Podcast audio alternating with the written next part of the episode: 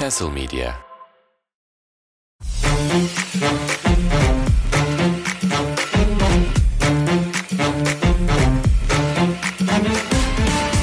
Castle Medya'nın sunduğu Şişkaoskas'tan herkese merhabalar. Ersinleriyle beraber ben Savaş Birdal. Haftanın Euroleague gündemini konuşacağız. Playoff'ları konuşacağız. Çok dolu bir gündem var.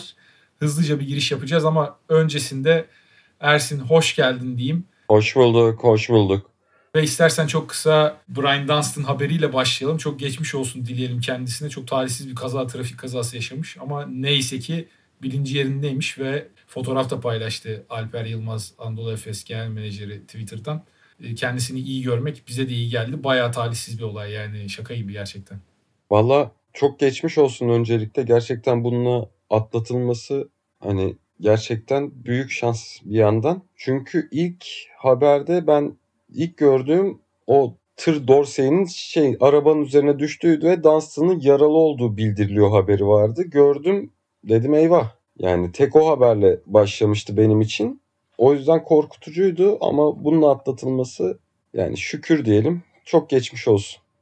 Çok geçmiş olsun. Ben de fotoğrafı gördüğümde korktum gerçekten. Çünkü arabanın yani önüne düşmüş ve şoför bölümüne de bayağı yakın düşmüş. O açıdan bir de bir basketbolcunun Dunstan boyunda iki küsür bir basketbolcunun arabayı kullandığını düşünecek olursak gerçekten ucuz atlatmış. Ya Dunstan'ın daha önce başına gelenler de biliyorsun bu işte gaz tankı mevzusu falan. Hı hı. Gerçekten çok talihsiz bir e, insanmış kendisi ya. Umarım bir daha böyle bir travma yaşamadan hayatını devam ettirir yani. Tekrar çok geçmiş olsun. Abi Dunstan çok bir yandan senin benim gibi bir adam değil mi ya? İnsan olarak. Ne açıdan? Abi mavi yakalı oyuncuları ben çok seviyorum. O açıdan. Evet. O açıdan seviyorum Dunstan'ı. Evet evet. Sahada her şeyini veren limitli yetenek ama çok büyük etki bırakan e, prime döneminde özellikle. O yüzden Dunstan'ı Sonra maçı Yani- maçı bitirdiğinde görevini yapmanın sorumluluğuyla böyle başı dik, yüzü gülümser çıkıyor. Seviyorum yani insan olarak da. Belli oluyor gerçekten. İyi bir insan olduğunu. gerçekten gerçekten etki bırakmış Amerikalılardan bir tanesi. Ben yani Heinz seviyesine yazmam belki ama onun altındaki seviyeye yazılır. Yazılır, yazılır, yazılır. Şampiyonluklarda hani tek şampiyonluk da değil şampiyonluklarda payı olan bir oyuncu. O seviyede. Tekrar kendisine geçmiş olsun diyelim. Ve istersen bir diğer talihsiz olaya dönelim ve Evet. e, Partizan Real Madrid'i konuşalım. Evet abi Euroleague Konuşacak çok şey var. Ya Euroleague gündemiyle başlayalım aslında maçlar dışında. Çünkü hani saha dışında olan bir yandan verilen cezalar hani bir anda epey bir konuşuldu. Ee, sahadaki olan biten de ya Euroleague bu sezon gerçekten zirve sezonunu yaşıyor. Ve bu zirve sezonu taçlandıran bir partizan başarısı. Ya ben bunu bekliyordum. Daha bir önceki programdan direkt hani çok iddialı bir şekilde bekliyordum. Ama kart vizit kart vizit tak diye hava atışıyla birlikte serinin ortasına bırakıldı ya. Kesinlikle öyle. Koçlar arasındaki fark çok net bir şekilde sahaya yansıyor. Bu inkar edilemeyecek bir noktada. Yani Chus Mateo ile Obradovic arasındaki farkı her saniye sahada görebiliyorsun. Tamam Real Madrid'in kadroda belli başlı defoları var. Özellikle guard departmanında Real Madrid çok eksik kalıyor. Bu seviyede bir takımın normal sezonu Hı hı. e, sürekli tepede götürmüş, ilk 2'de 3'te götürmüş bir takımın guard rotasyonunun bu derece artık içi geçmiş oyunculardan kurulu olması çok büyük bir planlama hatası. Bunu sezon boyunca söyledik. Playoff'ta da artık ayyuka çıktı bu durum ve Partizan bunu çok iyi değerlendirdi. Partizan gerçekten orada Real Madrid'i çaresiz bıraktı ve Real Madrid'in kaderi Canan Musa'nın ellerindeydi ilk iki maç boyunca ve Canan Musa da iyi bir seri geçirmiyor. Hı hı. Tavares'in de sakatlığı buna ek olunca Real Madrid iyice çaresiz kaldı yani. Onları ayakta tutan en önemli şey savunmalarıydı. Savunmadaki o boyalı alan tehdidini de kaybettikleri anda Real Madrid bu sefer tamamen artık e, kaosa dönen işte e, low post'ta mismatchleri kullanmaya çalışan, orada Yabusele'yi deki kullanmaya çalışan ama bu oyuncuların da takımı sürükleyebileceği, getirebileceği nokta belli. Orada o güvenilir eli bulamadığın zaman dışarıdan özellikle ki bu Fenerbahçe'nin de mesela zaman zaman Olympiakos'a karşı ilk maçta özellikle yaşadığı bir sorun oldu. Onu bulamadığında işin çok zorlaşıyor. Real karşı da şimdi Partizan e, tamam underdog ama normal sezona baktığımızda hücum verimliliğini birinci sırada bitirmiş bir Partizan var. Çok Yani nasıl diyeyim ölümcül bir hücum takımı Partizan. Kesinlikle Ve affetmiyorlar. İyi oynayan bir takımdı yani hani açayım maçını izleyeyim dedirteceğim bir takımdı ve işte zaten hücum verimliliği istatistiğinde de çıkıyor. Aşırı akıcı, keyifli, tempolu, birebirlerde oldukça etkili, süper, keyifli bir takımdı diyeyim. Öyle sana devam et istersen abi şimdi maçlarla ilgili. Çünkü sana bir tane soru soracağım. Tavares olsaydı böyle olur muydu? Tavares olsaydı ben ikinci maçı Real Madrid'in kazanabileceğini düşünüyordum. Hı hı. Ama ilk maçta da Tavares'li kısma baktığımız zaman Tavares'li kısmı Partizan çok iyi oynadı. Özellikle orada Smail'e geçiş çok iyi kullandılar. Yani ben Partizan adına serinin kilit adamını Smail'e geç olarak görüyordum. İlk maçın başında Smail'e geç zaten maçı 3-3 ile başladı. Ki e, zaman zaman Tavares'e karşı kullanılan bir strateji bu. Tavares'i Tavares boyutunda bir oyuncuyla değil de daha çok dışarıdan oynamayı seven bir oyuncuyla karşı karşıya koyup Tavares'i boyalı alanın dışına itmek Smail'e geç bunu çok iyi yaptı. Ama yani Tavares'in oyunda olmadığı dönemde de Partizan orayı yine domine etmeyi başardı. Ki Tavares oyundayken de Lesor mesela normal sezonun ikinci maçında da Tavares'e karşı büyük üstünlük sağlamıştı. Tavares oyundayken de çok fazla ezilmedi orada Partizan. Onu da söylemek lazım. Tavares oyundan çıktıktan sonra ilk, maçın en ilginç bölümü Anthony Randolph'un oyuna girip bir anda Partizan'ı biraz böyle ufak bir şoka uğrattığı dönem var 3-4 dakikalık. Orada hı hı. Randolph'un bir tane üçlük soktuğu işte oyunun gidişatını biraz Madrid çevirdiği ve Madrid bir seri yakaladı. Ama onu da Partizan çok iyi göğüsledi. Onun ardından o şoku atlatıp tekrar kendi oyun ritimlerine dönmeyi başardılar ve Anthony Randolph'un da şu haliyle sakatlıktan ötürü bir yıldır doğru düzgün basketbol oynamamış haliyle yeni dönüp adeta bir Bielisa temposunda oynarken böyle bir yüksek seviyede seride çok büyük bir etki yaratmasını bekleyemeyiz. O yüzden Madrid'in orada opsiyonları da kısıtlandı. İlk maçta Poirier de yoktu. İkinci maçta Poirier'e döndükten sonra Poirier'in de orada aslında bir Tavares olmadığı zaten bildiğimiz bir şey ama tekrar perçinlenmiş oldu. Bir şey diyeceğim buna. Bunlar... Ki iyi de oynadığı bir maçta bu arada Poirier'in. Şeydi yani. Oyun iyi oynadı ama iyi oynayan bir Poirier bile boyalı alanda o caydırıcılığı sağlayamıyor. Tavares'in tamamen etrafında kurulmuş bir Madrid takımı olduğu için ikinci maçta adeta cirit attı Partizan boyalı alanda. Poirier'in üstüne gitmekten kimse korkmuyor. Evet. Tavares'le alakalı öyle bir sıkıntı var. Evet evet. Ya Partizan ikinci maçı tamamen domine etti. Maçı baştan sona üstün götürdüler. Real Madrid arada bir iki tane seri yakaladı ama yine orada bir dönüş çabaları oldu. Ama dediğim gibi yani Partizan'ın şu hücumu ben sadece seri özelinde de değil sezon genelinde Obradovic'e verilmesi gereken en büyük kredinin Partizan gibi aslında oyuncu oyuncu baktığında yarı sahada oynamakta sıkıntı çekebilecek bir takımdan böyle bir yarı saha makinesi yaratması olduğunu düşünüyorum. Yani Obradovic en büyük takdirin burada gitmesi gerekiyor. Çünkü playoff da bunun bir uzantısı aslında. Yani hamlelerden ziyade Obradovic'in genel kurduğu düzen işlemeye devam ediyor. Yani maç içi hamlelerden maç içi hamlelerde de üstünlük kuruyor Mateo'ya Obradovic. Ama Partizan'ın düzenini hiçbir şekilde bozamadı Real Madrid.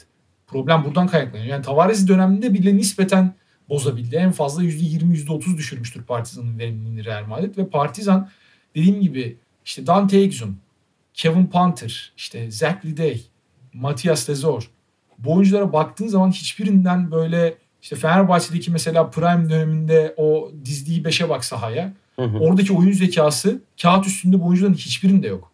Ya da yarı sahada oynama alışkanlığı. Panther buraya gelene kadar hadi Milano döneminde biraz Messina törpüledi. Ama asla bir yarı saha oyuncusu değil. Eline geleni kaldırıp atan bir oyuncu olarak görüyorduk Panther'ı. Burada çok iyi ikili sıkıştırmalarda devrilen uzunları bulabiliyor. Topu e, yeri geldiğinde elinden çabuk çıkarıyor. Yeri geldiğinde o öldürücü içgüdüyü gösteriyor. Ki ilk maçın sonunda attığı şut. Yani inanılmaz bir şut. Ya bu serinin üstünde. Playoff'ların en iyi playoff'ların en iyi performanslarından biri diyebilirim ben. İlk maç Panther'ına. Kusursuz bir oyundu. Ben ben ikinci maçta da çok iyi buldum Panther'ı ve iki maç itibariyle şu ana kadar playoff'ların MVP'si ya, diyorum kesinlikle. İşte şey Bogdanovic, Panathinaikos gibi hatırlanacak türde çok muhteşem bir ilk maçtı. İkinci maçta da çok iyiydi. Ama ilk maç özel performans benim için. Bir de zaten üçlükte taşlandırdı. Kesinlikle ilk maçtaki son üçlük Euroleague tarihine geçecek. Jeneriklerde uzun süre izleyeceğimiz şutlardan bir tanesi oldu. Yine bir şey daha ekleyeceğim cezalara geçmeden önce. Şey hani serinin o kavga olmasaydı ve maç 84-103 bitseydi sence Real Madrid'in şansı var mıydı? Kesinlikle yoktu. Yani ben maksimum bir maç çıkarırlar diyordum Belgrad'dan. Hani o Hı hı. bile çok büyük bir mucize olurdu. Şu akışta, şu gidişatta. Ama şu an bambaşka bir dünyada yaşıyoruz. Yani şu an neler olabileceğini kestirmek mümkün değil. Her şey olabilir Belgrad'da. Yani bunu, buna maçın bitmemesi de dahil öyle söyleyeyim. Evet evet ve Lesort yok. Galibiyet yok. Şeyi çok ağır basıyor maç önü yorumlarda. Ya onu işte kestiremiyorum. Lesort Partizan oyununda çok önemli ama Tavares oynayacak mı İspanya'da?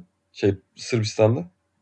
İşte onu bilmiyorum. Ben de onun belirleyici olacağını düşünüyorum. Tavares'in olduğu bir ortamda Panthers'ız bir Partizan'ın ben çok Evet. e, zorlanacağını düşünüyorum hücumda. Evet. Yani evet. ilk maçta Lezor da yok. Artı Exum'un da herhalde olmama ihtimali var. Onun da ayak e, ikinci parmağında sanıyorum bir tendon yaralanması olmuş. E, ona da geçmiş olsun diyelim. Biraz güreş stili bir şeye maruz kaldı. Aksiyona maruz Evet. kaldı ama umarız döner. Yani umarım döner çünkü seri çok çirkin bir noktaya gidecek ya. Bu arada diyordun ya Euroleague'in en iyi sezonu uzun zamandır. Hı hı. Euroleague'in en iyi sezonunun globalde bu kadar büyük çapta bu sezon en çok ses getirdiği anın bir kavga olması gerçekten rezalet. Bunu söylemek. Abi ama Tayland'da çok büyük rezalet yani. Tayland'ın Tayland'ın Kanal D haberini düşün.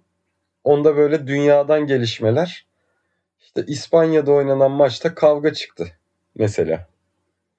Yani direkt ana haber Sana şöyle özetleyeyim. ana haber kavgası Tamam, ya okey. bu. Hani spor sporun üstüne çıktı. Sana şöyle özetleyeyim. Mesela Reddit'te çok büyük bir NBA komünitesi var. 3 milyon kişi mi ne Evet, oraya evet. üye. Sürekli haber düşüyor oraya. Normal sezon boyunca yani yıl boyunca orada bir kere bile şey görmemişimdir. Euroleague'le alakalı herhangi bir post görmemişimdir. Bu sezon kavga oldu. Bir saat sonra direkt kavga postu düştü. Yani Euroleague bu şekilde ses getirmemeli abi. Doğru. Hiç getirme daha iyi. Hiç getirme daha iyi. Gerçekten. Ama işte abi o da hani kavgayı eden Euroleague değil. Yani orada yapacak bir şey yok. Ya kavgayı eden Panther ve Lul ve bir anda bütün iki takım. Yani hani maçın Abi kavgaya eden Euroleague ya. Kavgaya eden cidden Euroleague yani. Orada 20 kişinin girdiği bir kavgadan bahsediyoruz. Birebir oyuncu kavgası olsa eyvallah. ama işte oyuncular dışında da kavga durumu yok yani hani devamı hani seyirci olayıyla desteklenmedi en azından. Sonrası rezalet Ama ama, bence. Yani sezona damgasını vurmuş sahada bu kadar iyi oynayan bir Panther, bir Lezor, işte Exum. Kesin Ondan canım. sonra- Kesin. Ben Liginin efsanelerinden yani ne dersen de Yul'ün karakteriyle alakalı ama Euroleague efsanelerinden bir tanesi. Ondan sonra yine Yabusele mesela Real Madrid'in son dönemde en çok göze çarpan oyuncularından bir tanesi. İşte başka kim kavgaya girdiyse yani bu işin içinden en suçsuz adamın Rudy Fernandez olarak çıkması da herhalde bilmiyorum Allah'ın bir mucizesi diyeyim ne diyeyim. Abi işte bak bazı o tansiyonu dışarıdan yaşadıysan o tansiyon seni ateşlemeyebiliyor. Yabusele o an kavgaya yakından tanık. Mesela daha bir ayrı tetikleniyor. Bir de ya güreşçiymiş zaten. Ama Fernandez o sırada bench'teydi. Ve bench'ten lan ne oluyor bir ayırayım diye giren adam daha kalender olabiliyor.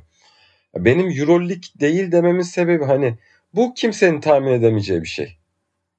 Bu bir anda ateşlendi ve bu kadar seviye ben Boston yumruğundan beri hatırlamıyorum. Yani ben bir 10 sene daha böyle bir şey yani hiç görmeyiz umarım da bir 10 sene daha böyle bir şey göreceğimizi zannetmiyorum. Bu Evet. nadir yaşanacak bir olay. Evet. Sürekli göreceğimiz bir şey değil. Yani illa kavga çıkarsa sahada iki oyuncu birbirine işte horoz dövüşü gibi kafalarıyla birbirini iterler vesaire. O tip şeyleri çok görüyoruz. Veya yumruk bile olur ama bu çapta böyle 15 kişinin sahada birbirine girdi işte bir tarafta birinin diğerine suplex yaptı öteki tarafta Panther'ın yumruk attığı falan böyle bir şey ee, ya bu NBA'in adeta Detroit Indiana kavgası şey NBA'in diyorum Euroleague'in Detroit Indiana kavgası oldu bu. Öyle öyle. Öyle. Tarihe, tarihe geçecek bir an oldu bu. Ya o o devirme işi devirme işi direkt artık highlight oldu.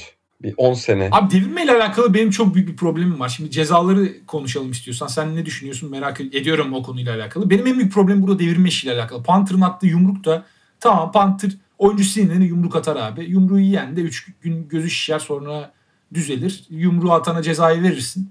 Gereken cezayı. Bu konu kapanır. Bu olabilecek bir şey. Yani NBA'de de görüyoruz bunu işte. Draymond Green gitti kendi takım arkadaşına yumruk attı antrenmanda. Neyse. Ya bu senenin yaptığı Exum'un ciddi bir şekilde burada abartı yok sıfır abartı basketbol hayatını bitirebilecek bir hareket. Kesin. Ya bunun cezasının çok ağır olması lazım. 5 maç nedir? Gerçekten bu şaka olmalı.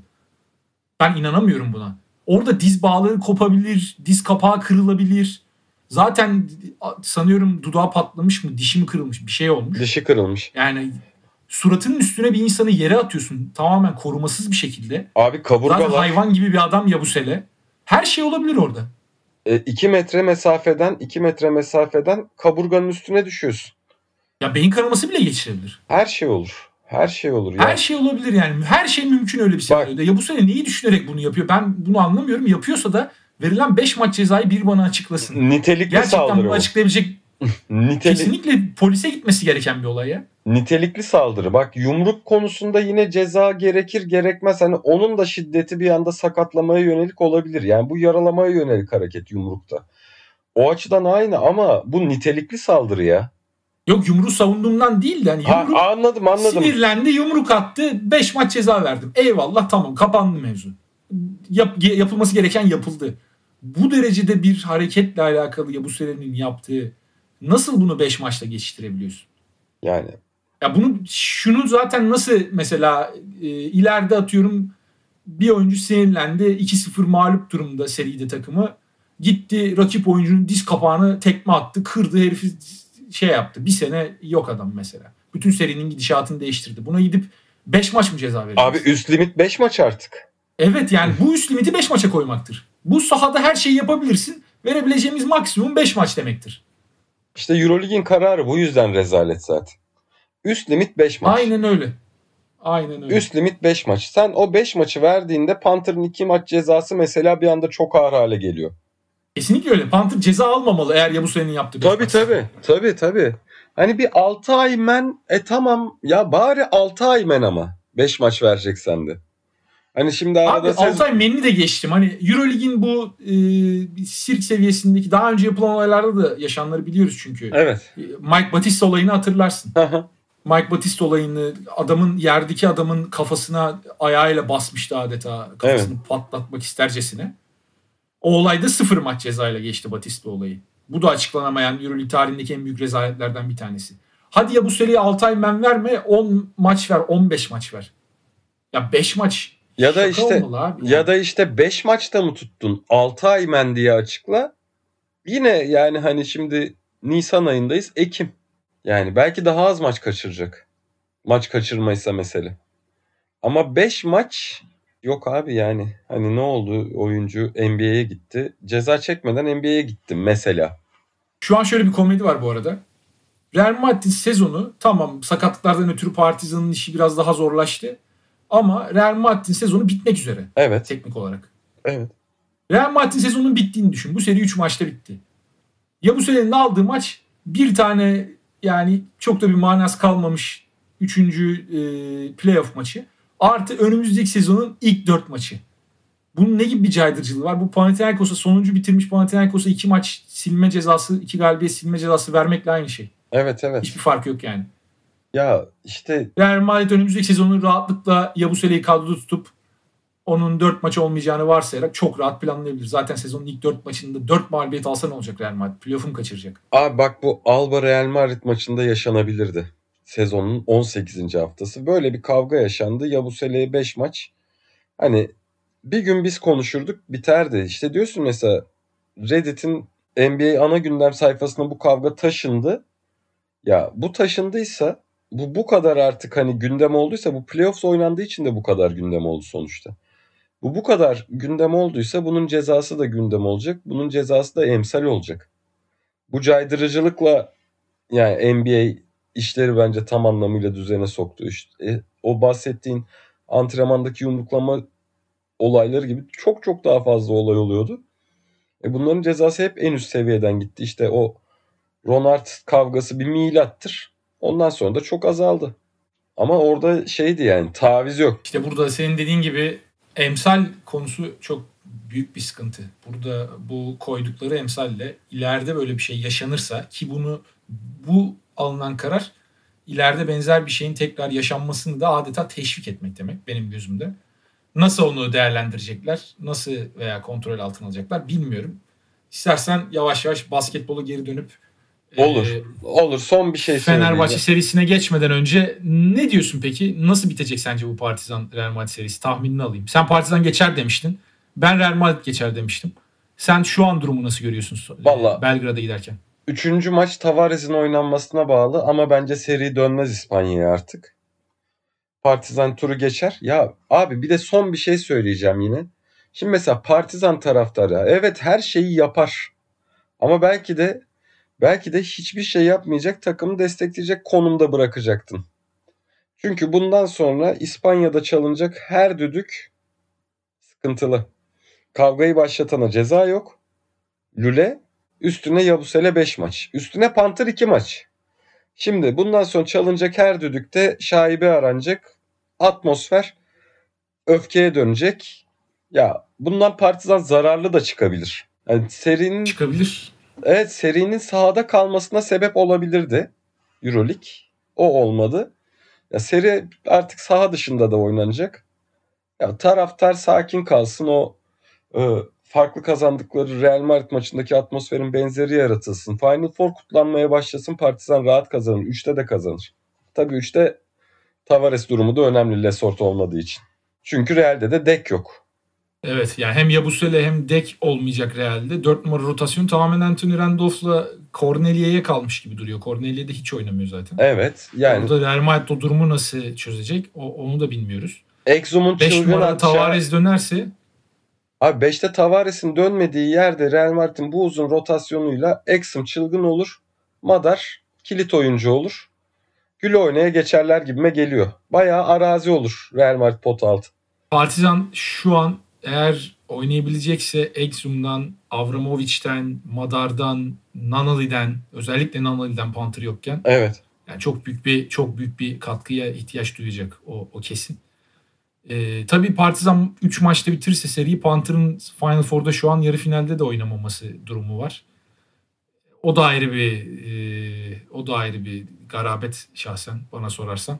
Evet. Bakalım neler göreceğiz. Ben de şu an Partizan'ın artık buradan sonra içeride o maçlardan birini ne olursa olsun bir şekilde kazanacağını düşünüyorum ama Tavares dönerse ben çok zorlanacağını düşünüyorum Partizan'ın 3. maçı kazanmakta. O yüzden 3-1 diyorum. Ee, son maçta işte Lezor'un dönüşüyle dördüncü maçta son maç demeyeyim de dördüncü Hı. maçta Lezor'un dönüşüyle Partizan biraz daha ibreyi kendine çevirebilir ama Panther'ın yokluğu çok büyük bir eksiklik Partizan adına. Yani Panther'ın yokluğunu nasıl kompanse edecekler?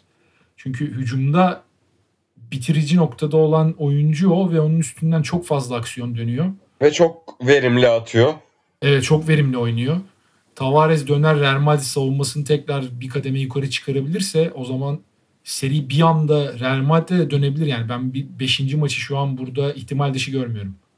Evet evet artık yani iş saha dışında da saha dışı etkenlerin de işte e, çok ön plana çıktığı bir seri haline geldi.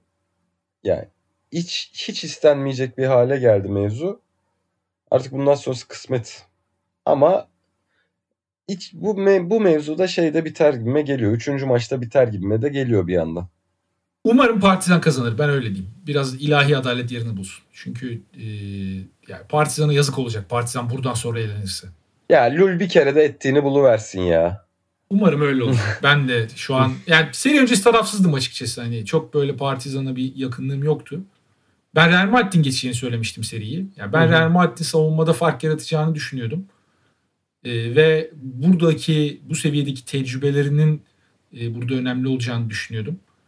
Ama oynanan oyun iki takım arasında gerçekten büyük fark olduğunu gösteriyor. Hem koçlar arasında hem de saha içindeki düzen. E, e, özellikle ne yaptığını bilme, hücumda ne yaptığını bilme.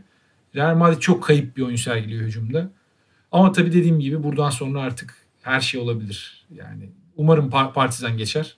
Umarım hak ettikleri sonla bitirirler sezonu. Burada sezon e, şuradan 3-2 Real Madrid galibiyetiyle sonlanırsa Partizan için gerçekten hiç hak etmedikleri e, bir sezon sonu olur onlar adına Euroleague'de.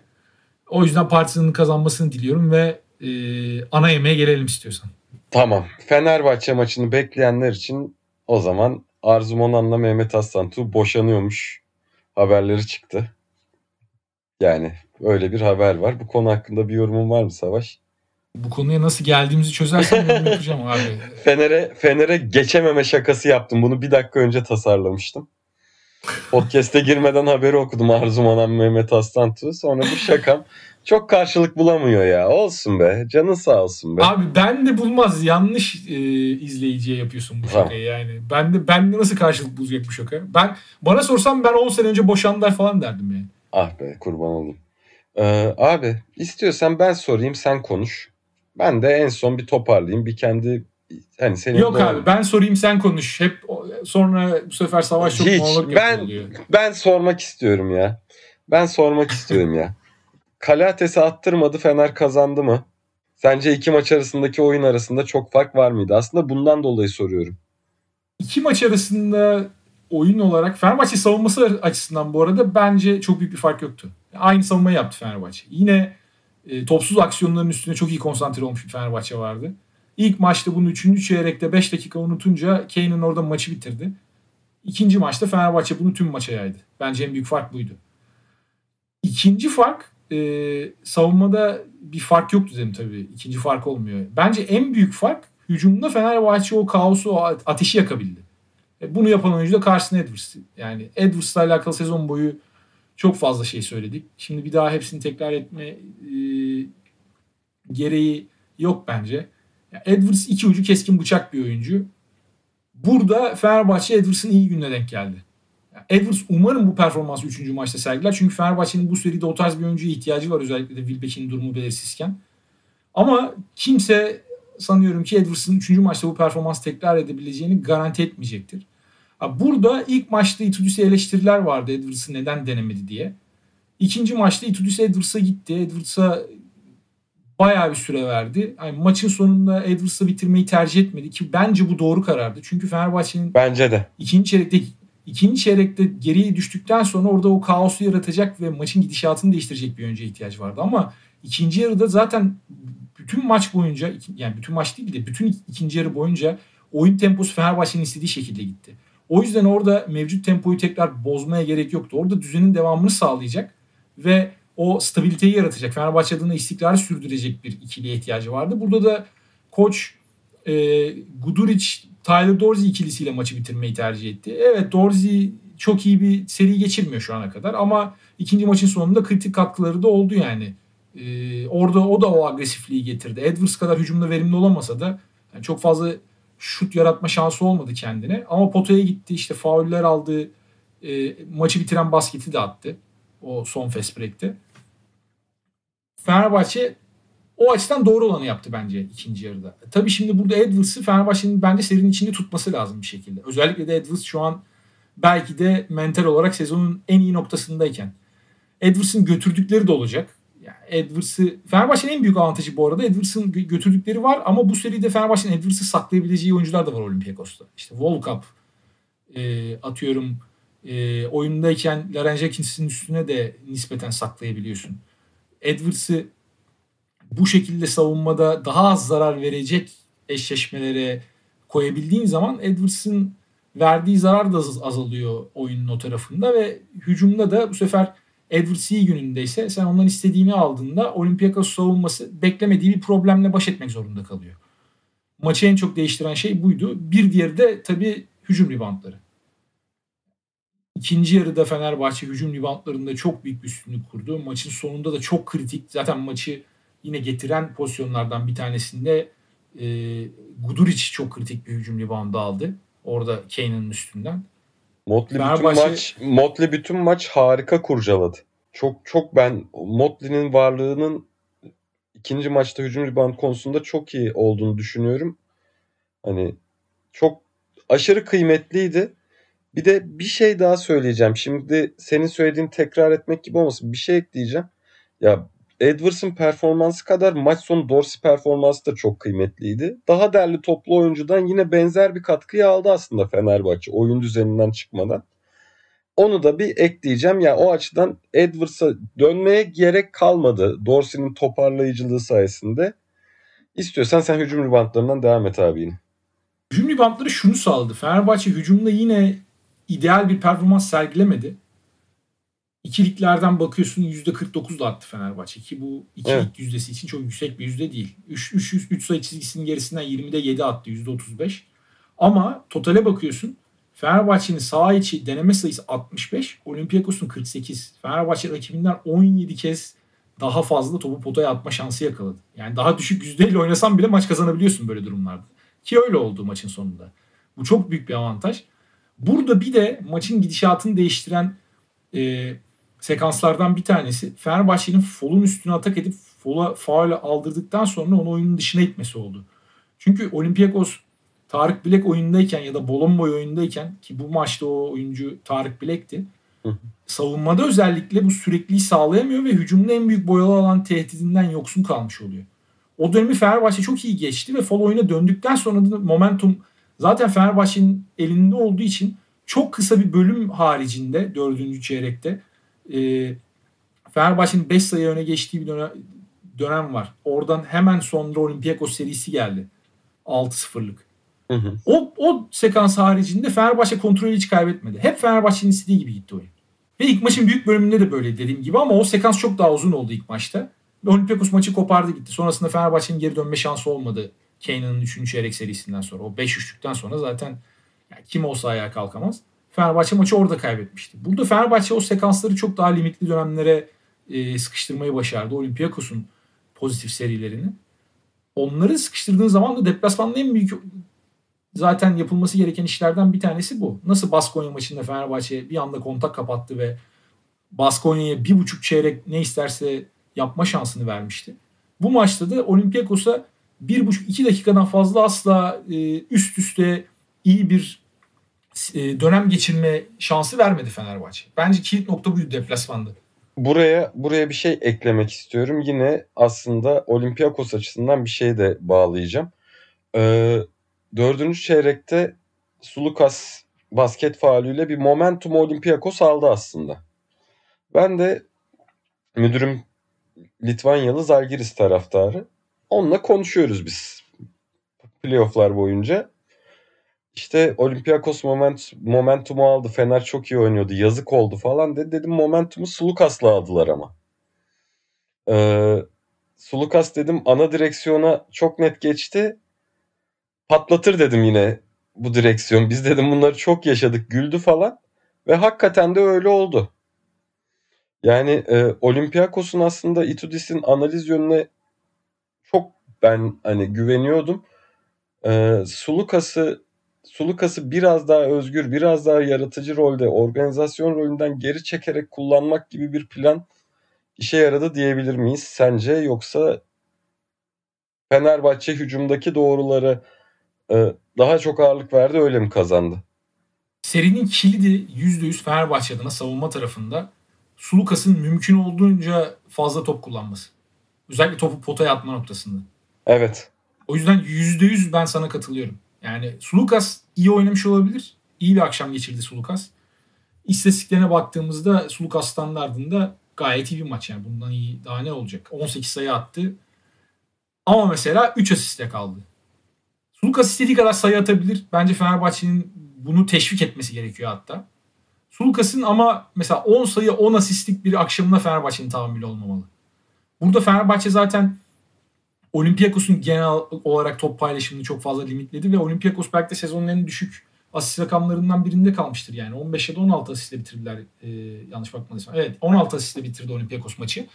Olympiakos'un sezon ortalaması 20'nin üstünde. Fenerbahçe bu açıdan çok iyi bir iş çıkardı. E, senin dediğine şeye de %100 katılıyorum. Yani Sulukas'ın üstünden Olympiakos'un momentum kazanması çok zor.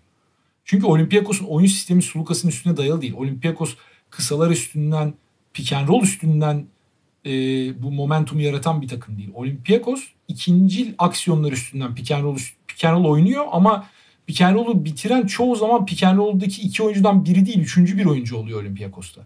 Bir off ball cut işte veya e, köşedeki şütörü bulma e, Vezenkov'u işte, Vezenkov'u EuroLeague MVP'si yapabilecek sistemde oynuyor aslında Olympiakos ya. Aynen öyle. Aynen öyle. Yani Vezenkov mesela o pick and roll'larda çoğu zaman perdeyi yapan oyuncu değil. Klasik evet. bir şekilde oynamıyor Vezenkov. Evet. Vezenkov off ball bir işte flare screen dediğimiz bir screen'den çıkıyor mesela pick and roll'un arkasından gelen bir aksiyonda ve orada kendine bir saniyelik boşluk yarattığı zaman o üçlüyü sokabiliyor. Yine inanılmaz bir şut soktu. Gerçekten hayal kırıcı bir şut soktu bu maçta da. Yani, yani o in, o şutu sokabilecek dünyada kaç oyuncu var ben bilmiyorum. İn, inanılmaz bir seviye. O şutu yapabileceğim bir şey yok. Alkışlamaktan başka yapacak bir şey yok o şuta.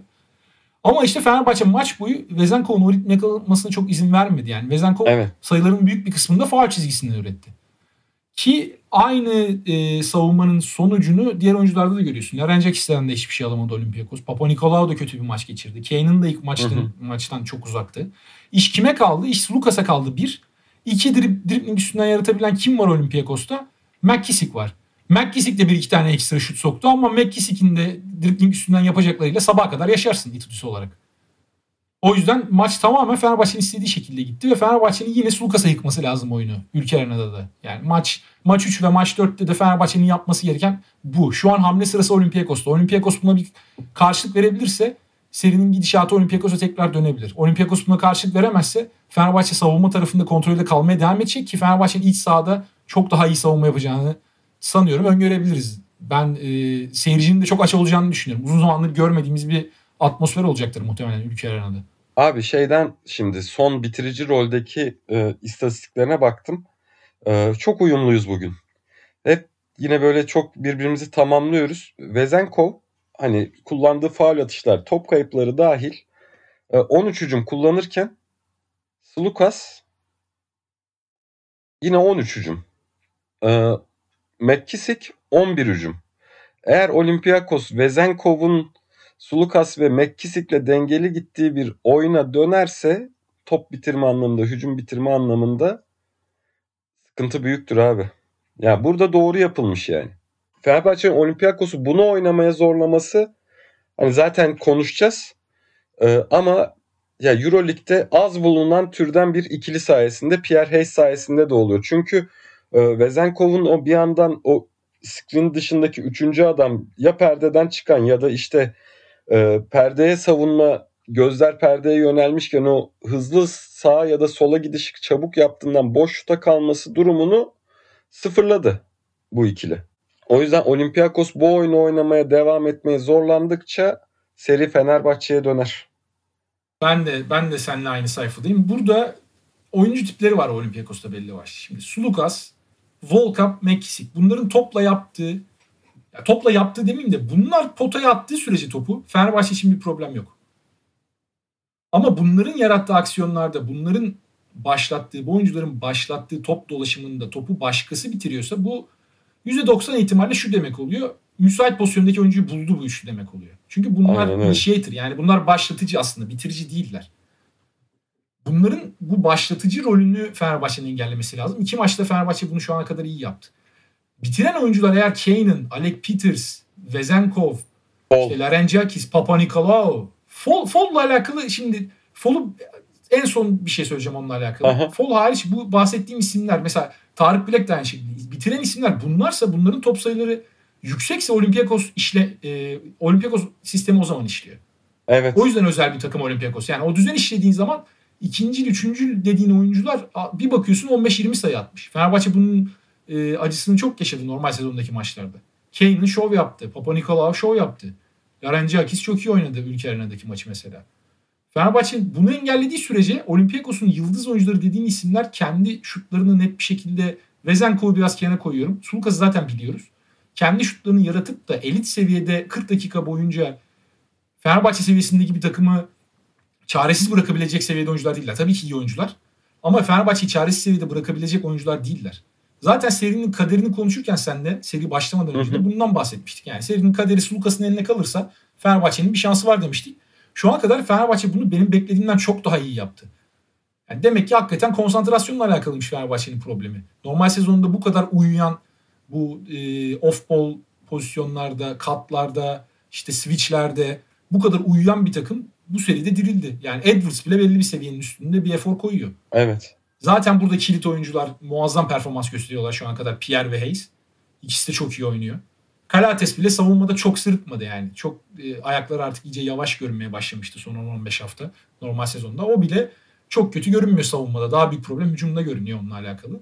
Fall şimdi bence bir istisna çünkü Fenerbahçe'nin Fall'la bir eşleşmesi yok ve Olympiakos her fırsatta topu oraya indirmeye devam edecektir. Fol normal sezonu %75 ikilik yüzdesiyle bitirdi. Bu seride de benzer bir yüzdeyle oynuyordur diye tahmin ediyorum. Top oraya indiği anda bir şey oluyor çünkü. Ya bitiriyor ya yardım geliyor. Hı hı. Yani Fol'dan o aksiyonlar çok başlıyor. Fol'u da buralarda tutması lazım Fenerbahçe'nin. Yani Fol mesela 15 sayılara işte 5-6 asistleri falan çıktığı maçlar olursa o da büyük sıkıntı. Çünkü o da şu demek oluyor. O posttan yine e, o ikinci roldeki oyunculara çok iyi pozisyonlar hazırlamış Fol demek oluyor Olympiakos adına. Fenerbahçe'nin bunu da e, bertaraf etmesi lazım. Şu ana kadar Fenerbahçe onu da iyi yaptı. Yani Fol belli bir etki yarattı ama etkisi Fenerbahçe adına kompanse edilebilir bir evet. seviyede kaldığı için evet. Fenerbahçe e, yani bir şekilde ona karşılık verebildi oyunun öteki evet. tarafında hücumda bulduğu sayılarla. Ama işte Fol seviyesini bir tık yukarı çıkarırsa bu Olympiakos'un 90'lara skorda çıkma ihtimalini yükseltir. Fenerbahçe'nin de buna verecek cevap var mı ondan emin değilim. Fenerbahçe'nin skoru mümkün olduğunca düşük tutması gerekiyor bu seride. Evet. Ya Fol'un Fol'un işte şeyde kalması demek. Bu seviyede kalması demek Fenerbahçe'nin şu anda Booker'ın yokluğunda cevap veremeyeceği bir pozisyon. Fol pozisyonu size olarak. E, üzerine zaten kusursuz bitirici. E, Fenerbahçe'nin oradan hem sayı anlamında hem de dediğin gibi dağıttığı topların verimli kullanımı anlamında geçmiş olsun. Olympiakos e, güçlü olduğu yeri rahat işliyor. Ana düzeninde kalıyor demek. İşte bunun önüne geçebilmek çok kıymetli. Fol'un sayısı arttığında her arttığında Olympiakos topu içeri rahat indiriyor. Ya da çok kolay hücum ribandını aldı. Momentumu elinde tuttu. Ya bundan mümkün olunca uzak durmak lazım. İşte Vezenkov o tarz şutlar sokar mı? Sokar. Yani buna yapacak bir şey yok. Ama 4 şutun 4'ünde de el kol gözündeydi. Mesela bu çok kıymetli. O Vezenkov'un üst üste ikinci şutu atmasına engel olacak oyunu oynuyor Fenerbahçe. Yani Sulukas mesela iyi oynadığı maçta bir anda eksi 14. 23 dakika içinde. Oyunu buralarda tutabilmek önemli. Fenerbahçe'nin de savunma anlamında bu silahları var. Ee, savaş. Kısalar ya da kısalar anlamında buna şahit olmuşuzdur ama aynı tip iki forvet oyuncusunun bu kadar etki yapabilmesi biraz da şey değil mi aslında? Oyunun evrildiği yeri de göstermiyor mu? Öyle tamamen NBA sistemiyle oynuyor Fenerbahçe şu an. Evet. Pozisyona, pozisyonsal olarak baktığımızda Fenerbahçe'nin bir 4 numarası ya da 3 numarası yok. Fenerbahçe 2 forvetle oynuyor.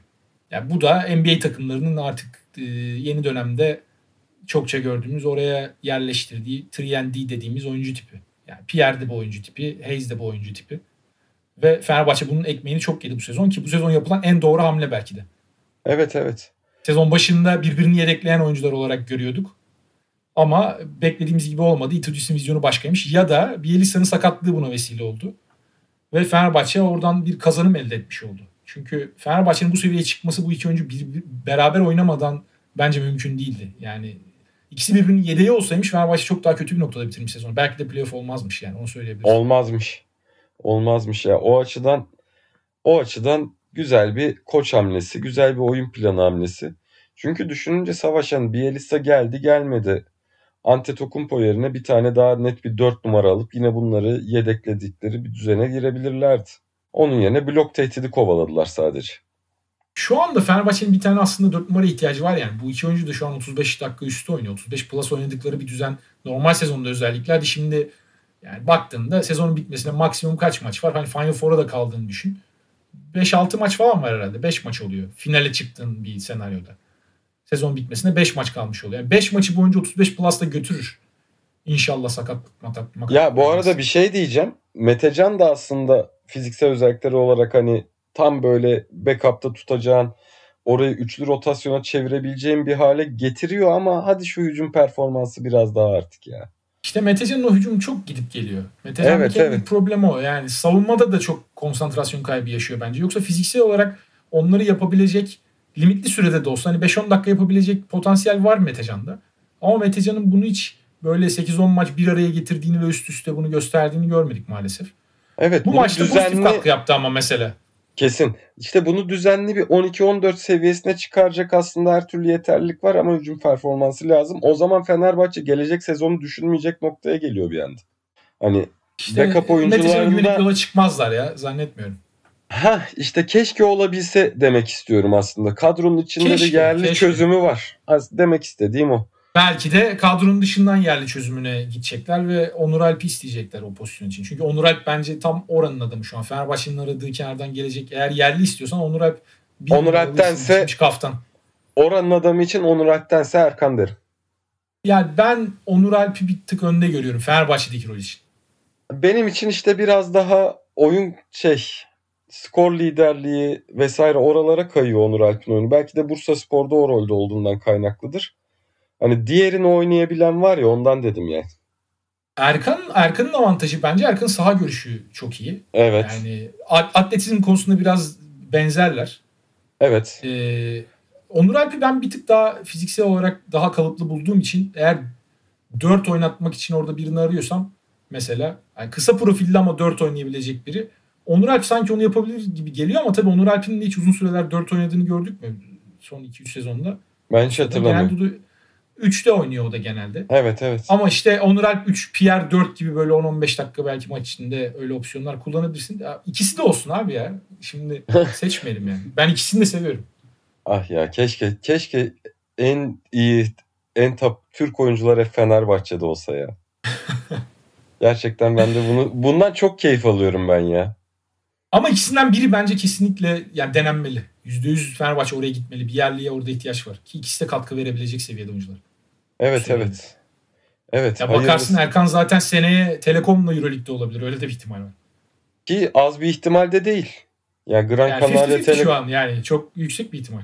Tabii Gran Canaria Telekom arasında öyle çok bir aman aman güç farkı yok. Hatta oyun olarak Telekom daha dominant. Artık oradaki atmosfere vesaire de bağlı. Deplasmanda olması biraz talihsizlik Euro Cup formatından ötürü. Evet ya bu iş çift maçla olmalı ya. Tarafsız olsaydı ben Telekom'u bir adım önde görürdüm şahsen ama deplasmanda Evet bir yandan bak hani biri bir grubu lider bitiriyor, diğeri diğer grubu üçüncü bitiriyor. Belki o grubun üçüncülüğü diğer grubun liderliğinden daha zor. Yani Şeyi anlamıyorum abi. Ta, fina- hadi diğer maçlarda sağ avantajı olsun eyvallah. Sonuçta Euroleague'de de playoff'ta sağ avantajı var da finalde niye sağ avantajı var yani? Niye böyle bir şey var? Şu ana kadar hep tek maç üstünden mesela Euro Cup finalleri oynandı. Euro Cup'ta Final Four'da oynandı eskiden. evet. Sürekli oynayıp duruyorlar formatta yani. Final bari tarafsız sahada olsun. Evet çünkü final sonuçta hani iki grubun birincisinin kapışması diye hayal ediliyor ya hep ev sahibi avantajıyla. Ya o iki grubun birincisinin diğerinden daha iyi bir birinci olduğunu kanıtlayabilecek bir şey yok elinde. Niye diğerinin sahasında yani? Hadi şimdi Kanarya birinci, Telekom üçüncüydü galiba. Ee, Telekom üçüncü ya da ikinci. Neyse. Ee, şey Peki Euro, Euro Cup'a Euroleague yönetimine sallamak için bir vesile olarak kullandık Euro Cup'ı. Ee, Abi peki ama evet, böyle alakalı ya, ne ne, bileyim. diyorsun abi? Kalates'le alakalı ne diyorsun? Yani nasıl kullanmalı Fenerbahçe 3 ve 4. maçlarda Kalates'i ki e, şu an yakaladığı momentum devam ettirebilsin? Abi Kalates, Kalates'in nasıl kullanması gerekti ya aslında Olympiakos bizim Kalates'i bir şekilde son şutları atacak oyuncu olarak kullanmamıza zorladı bizi ilk maçta.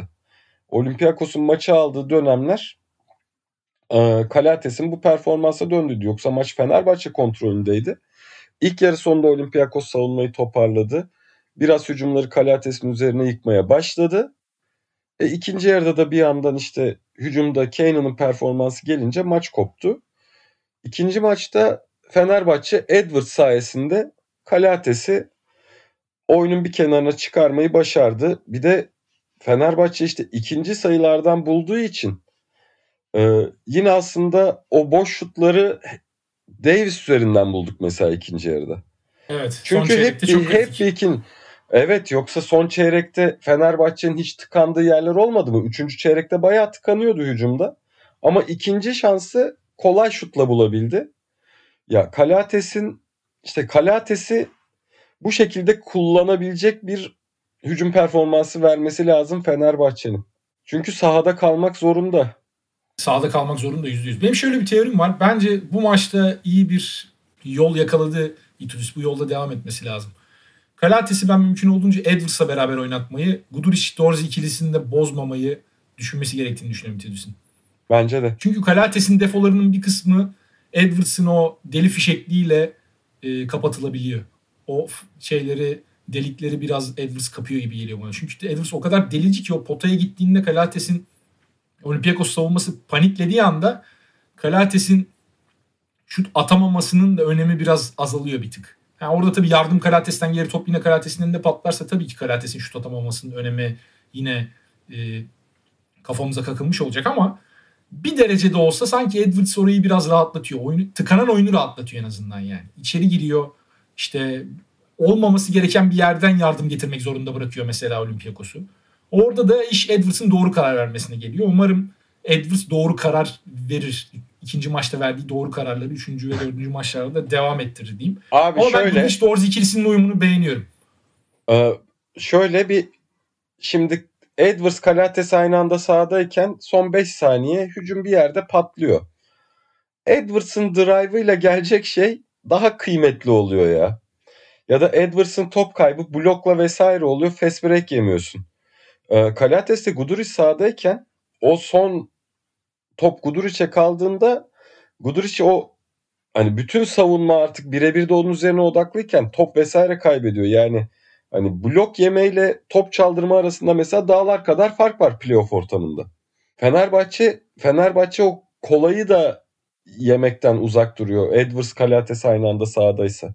Ya bu değişir tabii ki ama yani genel olarak riski de minimize eden bir şey. Dorsey ile Guduric de ikisi de ikisi de orta üstü seviye yarı saha organizatörü. İkisinin de birebiri güvenilir. O yüzden bence birbirlerini net olarak tamamlıyorlar. Daha risksiz bir oyun Guduric ve Dorsey sahadayken.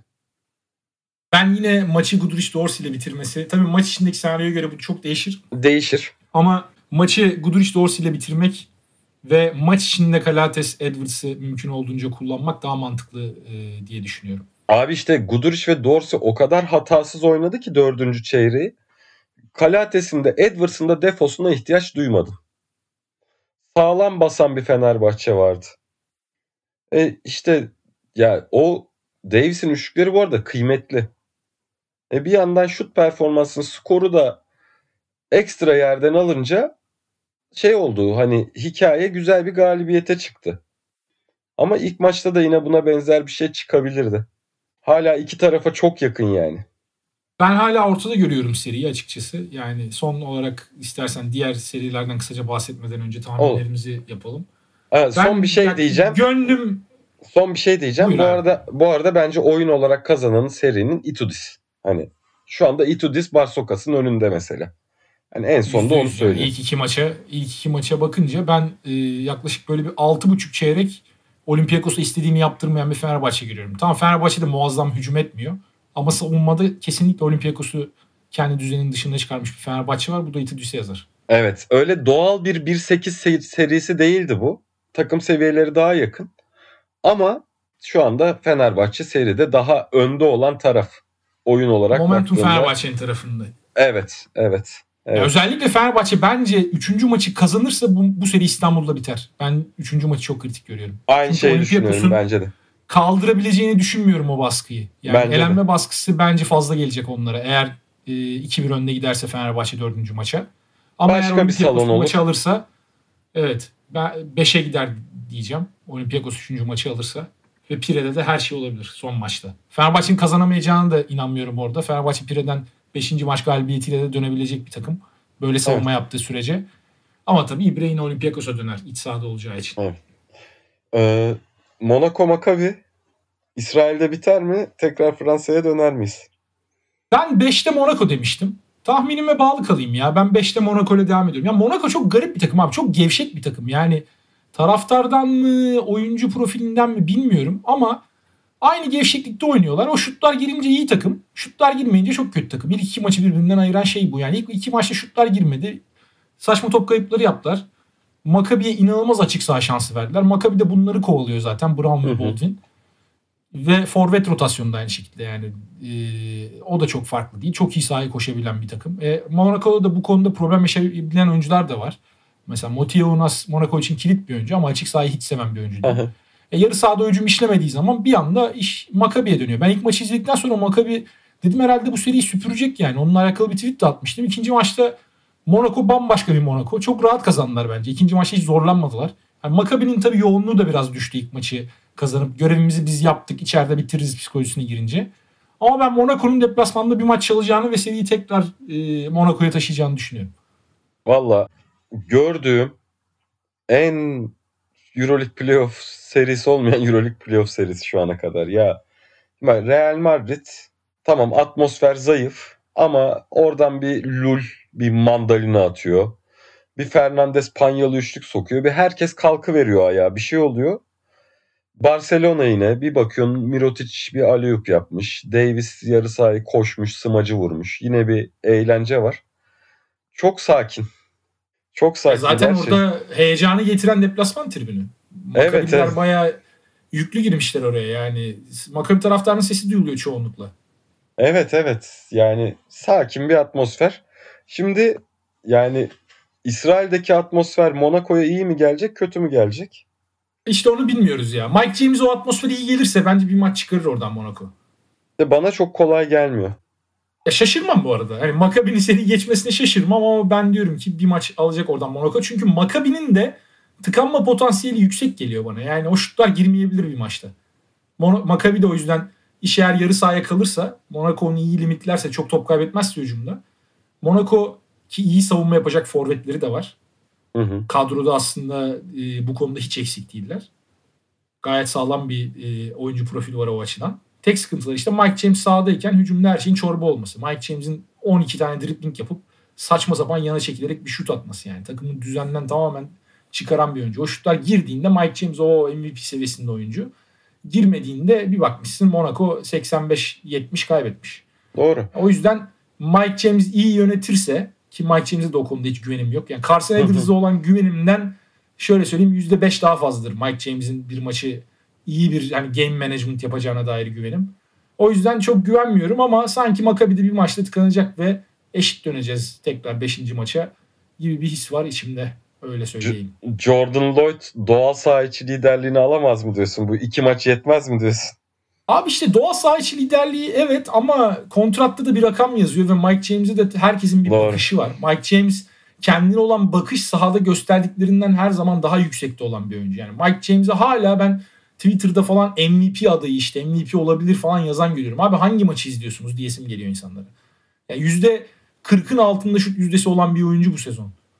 Yaptığı asist kadar neredeyse top kaybeden bir oyuncu. Ve takımı o sahada değilken çok daha derli toplu görünen bir oyuncu yani. Kesinlikle Mike James şu an 2-3 sene önce belki o seviyedeydi. Ama şu an kesinlikle Euroleague'deki en iyi 10 oyuncu arasında ben yazmam Mike James. Ya, büyük bir düşüş olduğunu düşünüyorum ben Mike James'de ve insanlar bunu ne zaman artık kabullenecekler. Tamam Euroleague'de bir açlık var e, yaratıcı kısalara dair. Ama yani o kadar da düşmedik be abi. Bu Euroleague'de iyi kısalar var ve Mike James'den iyi kısa bence kesinlikle var. Yani şu an takımda ben Lorenzo Brown'u da Wade Baldwin'i de Mike James'e tercih ederim. Kesinlikle ben de ama Iverson'cılık asla ölmez abi. Evet abi Iverson asla ölmüyor. Gerçekten bu yani. gerçek yani. Ama ama Iverson kadar da göze hoş gelen bir oyuncu değil yani. yani tabii ki seviyeleri tabii, tabii. bambaşka seviyelerde. Tabii, Mike tabii. James o kadar göze hoş gelen bir oyuncu değil yani. Ben o yüzden bu sevdayı biraz anlamıyorum. Göze hoş gelen estetik bir oyuncu olsa eyvallah. Ben Westbrook'un sıçışından sonra bıraktım. ben ben bıraktım. Ben ona kadar oralardaydım bıraktım ben o işi. Barcelona Zalgiris'e dair diyeceğim bir şey var mı? Çok konuşulacak bir şey yok gibi duruyor. Sadece yani, Veseli son maç çok iyi oynadı. Zalgiris'in işte e, müdürümün aktardıkları iyi oynuyoruz ama gücümüz yetmiyor. Yani Zalgiris iyi oynuyor. Serinin özeti. Evet bu seneki takımdan çok mutluyum falan dedi yani. Evet yani Zalgiris güç dengesinin bariz hissedildiği seri bu. Bu seri ya bu playoff'un 1-8 serisi bu. Evet kesinlikle öyle. E, Zalgiris ilk maçı bu arada kötü oynadı. Hani iyi oynuyoruz ama gücümüz yetmiyor gibi bir durum yoktu. Hakikaten kötü oynadılar ilk maçı Hı-hı. ama ikinci maç tam tam olarak oydu ya. İkinci maçta iyi oynadılar ve güçleri yetmedi yani bu. Kaunas'ta bir Zalgiris'in olduğu Final Four. İnşallah başka zamanlara ya. Başka zaman artık. Bir daha ne zaman verirler bilmiyorum Kaunas'a ama 10 seneye mi 15 seneye mi? İnşallah o zaman olur Zalgiris. Oğlum bu arada Erilius'la Mindaugas kardeş değilmiş galiba. Zukauskaslar. Ha bilmiyorum abi onu hiç dikkat etmedim ya. Evet galiba değilmiş. Bu da bir son Doğru, dakika bilgisi. Doğrudur. Doğrudur. O zaman dinleyen herkese tekrardan teşekkür ederim ve haftaya tekrar görüşmek dileğiyle. Umarım iyi bir Fenerbahçe Olympiakos e, 3 ve 4. maçları ardından diyelim ve kendinize iyi bakın. Ben de gelecek hafta için dileklerim. Fenerbahçe'nin F4'e kaldığı, Telekom'un Avrupa şampiyonu olduğu, Euro Cup şampiyonu olduğu bir yayınla haftaya sizlerle olalım inşallah diyorum. İnşallah. Hadi bakalım oyunuzu oyu kullandık. Şu anda seçim %100 bizim çünkü bir tek senin oyunu biliyorum. Hayırlısı kardeşim. Seçildik başkan. Ona da inşallah diyelim abi. Hoşçakalın. Kendinize iyi bakın. Hoşçakalın.